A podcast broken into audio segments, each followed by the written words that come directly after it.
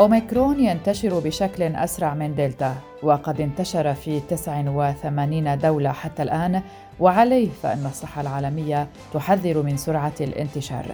حلقة جديدة من بودكاست في 20 دقيقة أهلا بكم معكم براء صليبي.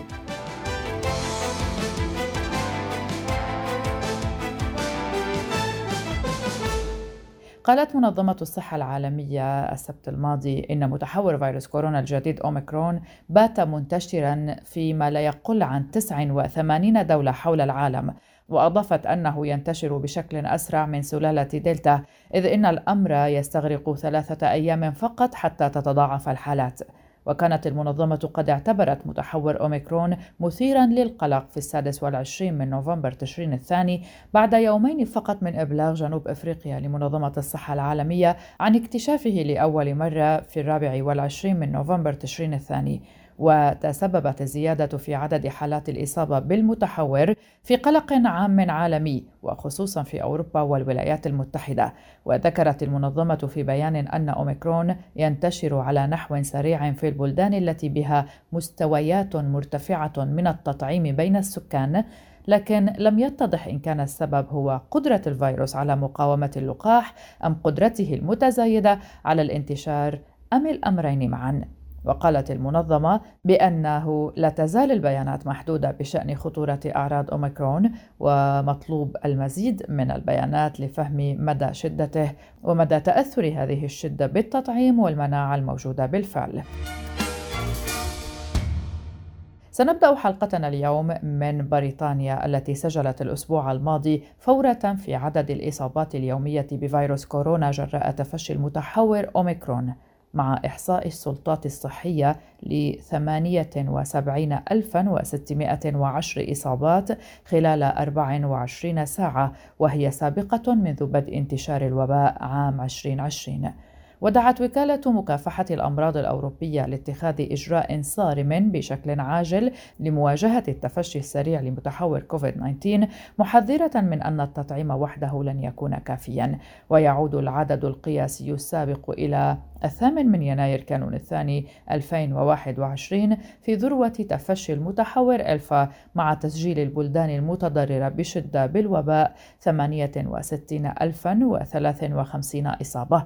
وفي مواجهة موجة هائلة من الإصابات بالمتحور الجديد من فيروس كورونا السريعة التفشي على حد تعبير رئيس الوزراء بوريس جونسون أطلقت الحكومة البريطانية حملة تلقيح معزز على نطاق غير مسبوق بهدف إعطاء جرعة إضافية لجميع البالغين بحلول نهاية ديسمبر كانون الأول وحتى الأربعاء الماضي. وتلقى 45% من السكان جرعة ثالثة فيما حصل 81.5% من السكان فوق الاثني عشر عاما على الجرعتين الأوليتين. ودعا جونسون خلال مؤتمر صحفي الأربعاء المنقضي دعا السكان مجددا إلى تلقي اللقاح لأن موجة أوميكرون ما زالت تجتاح كل أنحاء المملكة المتحدة. وعدد الإصابات المرتبطة بهذا المتحور تتضاعف الآن في أقل من يومين في بعض المناطق فيما يبدو أن جرعتين أقل فعالية ضد أوميكرون. وأضاف جونسون أنه يخشى أن تشهد بريطانيا أيضا ارتفاعا حتميا في حالات الاستشفاء بنسبة 10% على المستوى الوطني على أساس أسبوعي وبنسبة الثلث في لندن حيث تنخفض مستويات التطعيم. وأعطيت أكثر من 650 ألف جرعة معززة الاثنين الماضي وبهدف تسريع الحملة ألغيت فترة المراقبة البالغة 15 دقيقة بعد تقديم التطعيم وبهدف تجنب اكتظاظ المستشفيات فرضت حكومته أيضا قيودا إضافية مثل العمل عن بعد ووضع الكمامات في الأماكن المغلقة وحيازة الشهادة الصحية للمشاركة في الأحداث الكبرى. كما حذر المسؤول الطبي البارز في إنجلترا كريس ويتي من أن المملكة المتحدة واجهت فورتين متزامنتين للوباء واحدة ثابتة إلى حد ما بسبب المتحور دلتا والأخرى تنتشر بسرعة كبيرة مرتبطة بأوميكرون وكانت المديرة العامة للوكالة البريطانية للأمن الصحي دكتورة جيني هاريز قد قدرت في وقت سابق أن أوميكرون هو على الأرجح أكبر تهديد تواجهه بريطانيا منذ بداية الوباء وقد سجلت المملكة المتحدة الاثنين الماضي أول وفاة مرتبطة بالمتحور أوميكرون في أوروبا.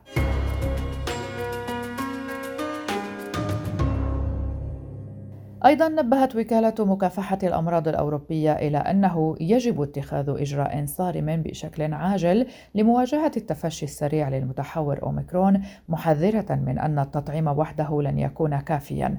وقالت أندريا آمون مديرة المركز الأوروبي للوقاية من الأمراض ومكافحتها في كلمة عبر فيديو في الوضع الحالي لن يسمح لنا التطعيم وحده بمنع تأثير المتحور أوميكرون إذ لا يوجد متسع من الوقت لسد النقص في التطعيم. كما رفعت وكالة الصحة التابعة للاتحاد الأوروبي تقييمها لمخاطر المتحور الجديد على الصحة العامة إلى عالية جدا وأوصت بسلسلة من التدابير بينها العودة إلى العمل عن بعد وزيادة مستوى الحذر خلال التنقلات والاحتفالات بمناسبة أعياد نهاية السنة. ورأت أنه من المحتمل جدا أن يؤدي المتحور الجديد إلى دخول المستشفى ووفيات بنسب أعلى من تلك التي تم توقعها بالفعل في التقديرات السابقة المتعلقة بالمتحور دلتا السائد حتى الآن. من جانبه جدد المركز الأوروبي لمكافحة الأمراض والوقاية منها جدد دعوته إلى إعادة فرض عاجل وتعزيز التدابير غير الصيدلانية ضد كوفيد وهو مصطلح يغطي القيود بشكل عام لتخفيف العبء على النظام الصحي. وأضافت الوكالة التي تغطي 27 دولة في الاتحاد الأوروبي والنرويج وأيسلندا. هناك حاجة ملحة لاتخاذ إجراءات صارمة للحد من انتقال العدوى وتخفيف العبء الذي يثقل كاهل النظام الصحي وحماية الفئات الأكثر ضعفا في الأشهر المقبلة. ورجحت منظمة الصحة العالمية أن المتحورة أوميكرون تتفشى بوتيرة غير مسبوقة في معظم الدول التي دعتها إلى استعمال كافة سبل مكافحة كوفيد-19 لتجنب إغراق المستشفيات بالمرضى. المركز الأوروبي أيضا أكد أن الأولوية تكمن في وضع الكمامة والعمل عن بعد وتجنب الازدحام في الأماكن العامة ووسائل النقل العام والبقاء في المنزل عند المرض والتهوية والحفاظ على مستوى عال من النظافة. وذلك إضافة إلى تتبع الإصابات المحتملة أو المؤكدة بأوميكرون مع اعتبار الاختبار أداة مهمة حتى عندما يتم تطعيم الأشخاص وعلاوة على عزل المصابين بكوفيد 19 الرياضة أيضا لم تسلم هذه المرة من أوميكرون فقد أعلنت رابطة الدوري الإنجليزي الممتاز لكرة القدم عن تأجيل مباراة مانشستر يونايتد ومضيفه برنتفورد الثلاثاء الماضي بسبب تفشي فيروس كوفيد 19 في أولد ترافورد. وذكرت الرابطة في بيان جاء القرار بعد توصية من المستشارين الطبيين بسبب الظروف الاستثنائية نتيجة الإصابة الحالية بكوفيد 19 داخل تشكيلة مانشستر يونايتد. وأضاف نادي الشياطين الحمر أنه وبعد إجراء المسحة الطبية تم الكشف عن وجود بعض الحالات الإيجابية بين طاقم التدريب ولاعبي الفريق الأول ويتطلب تفشي المرض مراقبة مستمرة لذا تم اتخاذ قرار بإغلاق تدريبات الفريق الأول في معسكر كارينغتون لمدة 24 ساعة للمساعدة في تقليل مخاطر حدوث المزيد من الإصابات وتم عزل الأفراد الذين ثبتت إصابتهم وفقا لبروتوكولات الدوري الإنجليزي الممتاز. في عشرين دقيقة مع براء صليبي بعد أكثر من عامين من انتشار فيروس كورونا استخدمت فيها عدد من الدول العلاج بالبلازما أوصت منظمة الصحة العالمية بعدم استخدام بلازما دماء المتعافين من كوفيد-19 في علاج المرضى. وقالت منظمة الصحة العالمية إنه لا يوجد دليل على أنها تحسن فرصهم في البقاء على قيد الحياة أو تقلل الحاجة إلى التنفس الصناعي. وترتكز فكرة العلاج ببلازما دماء المتعافين من كوفيد-19 على أن الأجسام المضادة لفيروس كورونا الموجودة بها يمكنها أن تحيد الفيروس وبالتالي تمنعه من التكاثر وتوقف تلف الأنسجة لدى المرضى. ولم تثبت دراسات عدة على بلازما من دماء متعافين من كوفيد-19 أي فائدة واضحة على المرضى الذين يعانون من أعراض شديدة. وأوقفت دراسة أمريكية في مارس آذار بعد أن أوضحت أنه من غير المراد المرجح أن تساعد تلك البلازما المرضى الذين يعانون من أعراض خفيفة أو متوسطة. وقالت منظمة الصحة العالمية إن هذه الطريقة في العلاج مكلفة وتستغرق وقتا طويلا. وأوضحت أن لجنة مؤلفة من خبراء دوليين أوصت بشدة بعدم استخدام بلازما من دماء متعافين من كوفيد 19 لعلاج المرضى الذين يعانون من أعراض بسيطة. وارتكزت التوصية المنشورة في المجلة الطبية البريطانية على نتائج 16236 مريضا بكوفيد 19 لا يعانون من أعراض شديدة.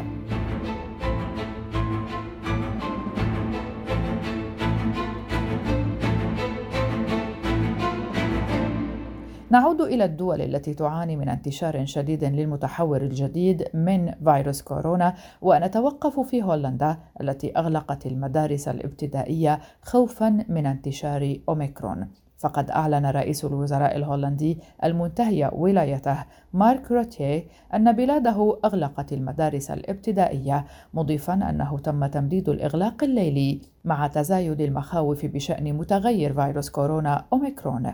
وسيتم إغلاق المدارس اعتبارا من اليوم يوم بث الحلقة أي 20 ديسمبر كانون الأول بدلا من يوم عيد الميلاد في الخامس والعشرين من ديسمبر كانون الأول بسبب مخاوف من أن الأطفال يمكن أن يصيبوا الأقارب الأكبر سنا.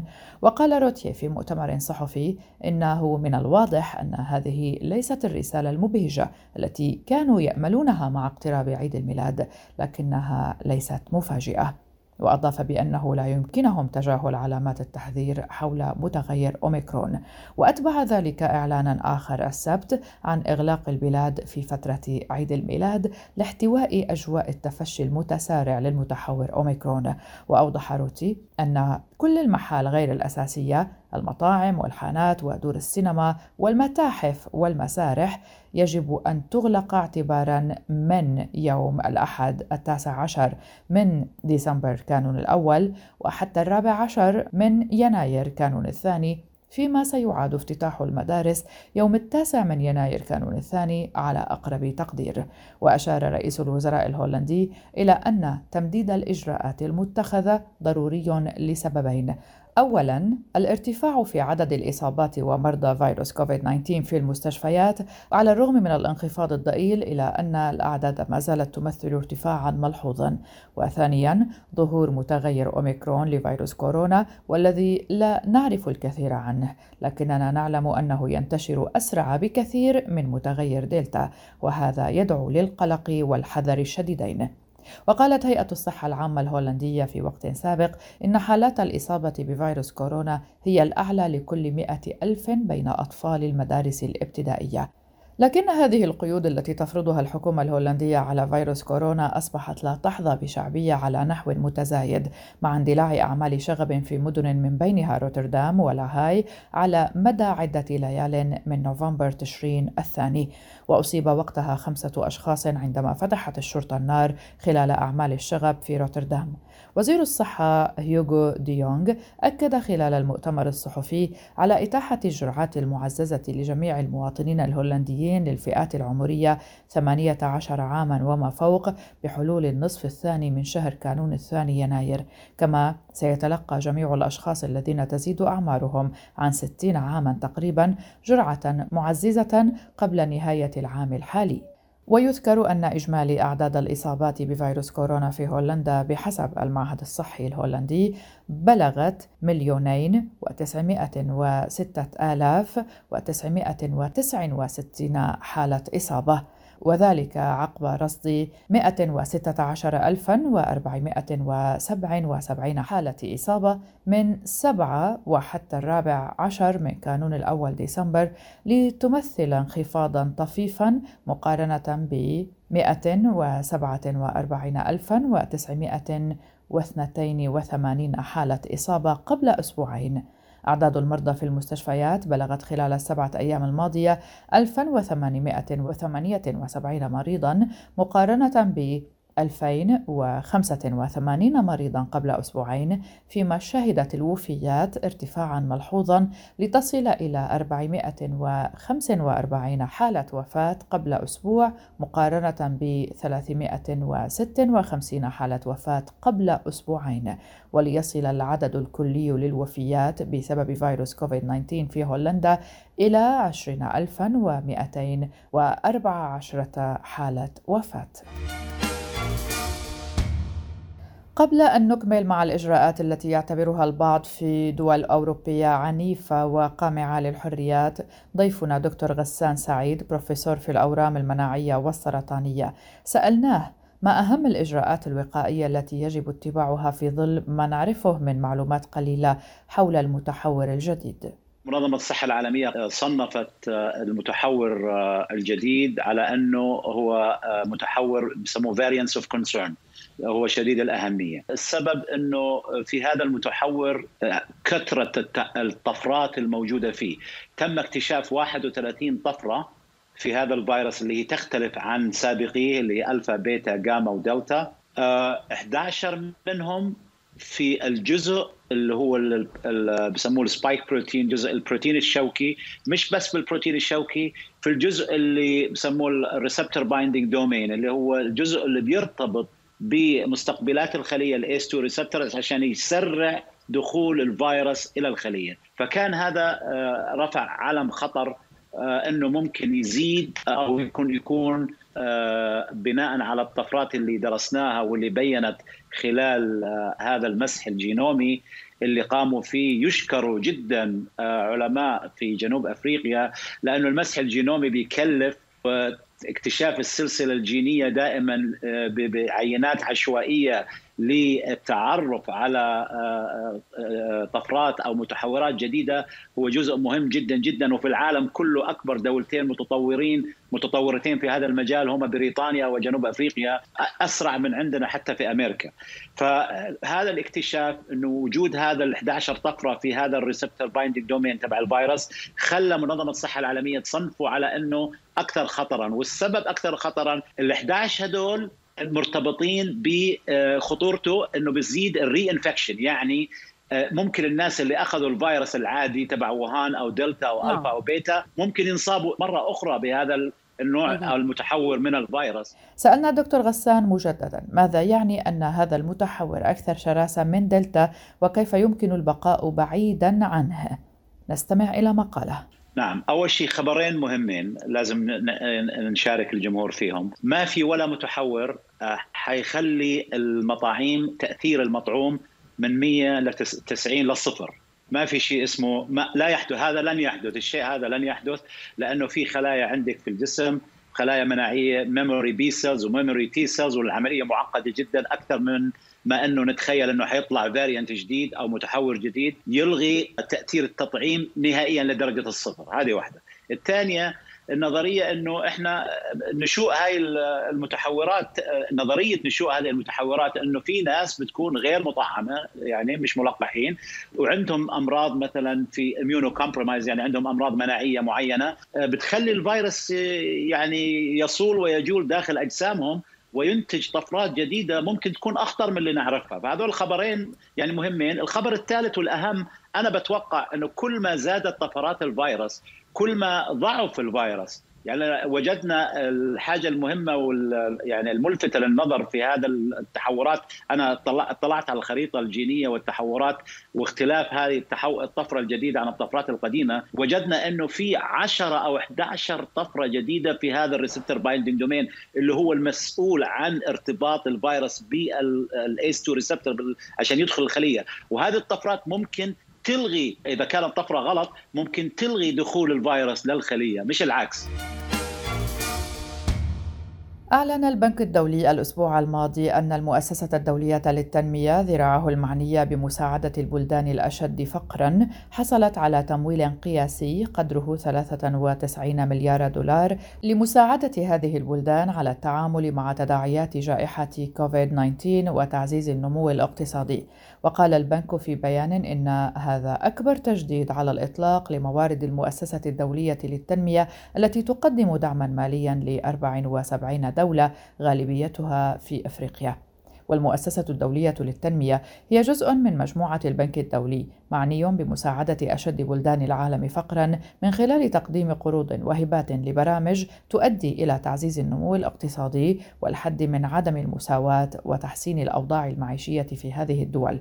وتمول هذه المؤسسة بالدرجة الأولى من مساهمات الدول الأعضاء في البنك ويجتمع المانحون مرة كل ثلاث سنوات لتجديد مواردها. وتجديد الموارد الذي أعلن عنه البنك الأربعاء الماضي سيغطي حاجات المؤسسة للفترة الممتدة حتى تموز يونيو 2022 وبدأت جولة التمويل التاسعة عشر للمؤسسة في تموز يوليو 2020 أي قبل عام من الموعد الذي كان يفترض أن تبدأ فيه وذلك نظرا للأزمة الراهنة. ونقل البيان عن ديفيد مالباس رئيس البنك الدولي نقل قوله إن الالتزام السخي لشركائنا اليوم هو خطوة حاسمة لدعم البلدان الفقيرة في جهودها للتعافي من أزمة كوفيد 19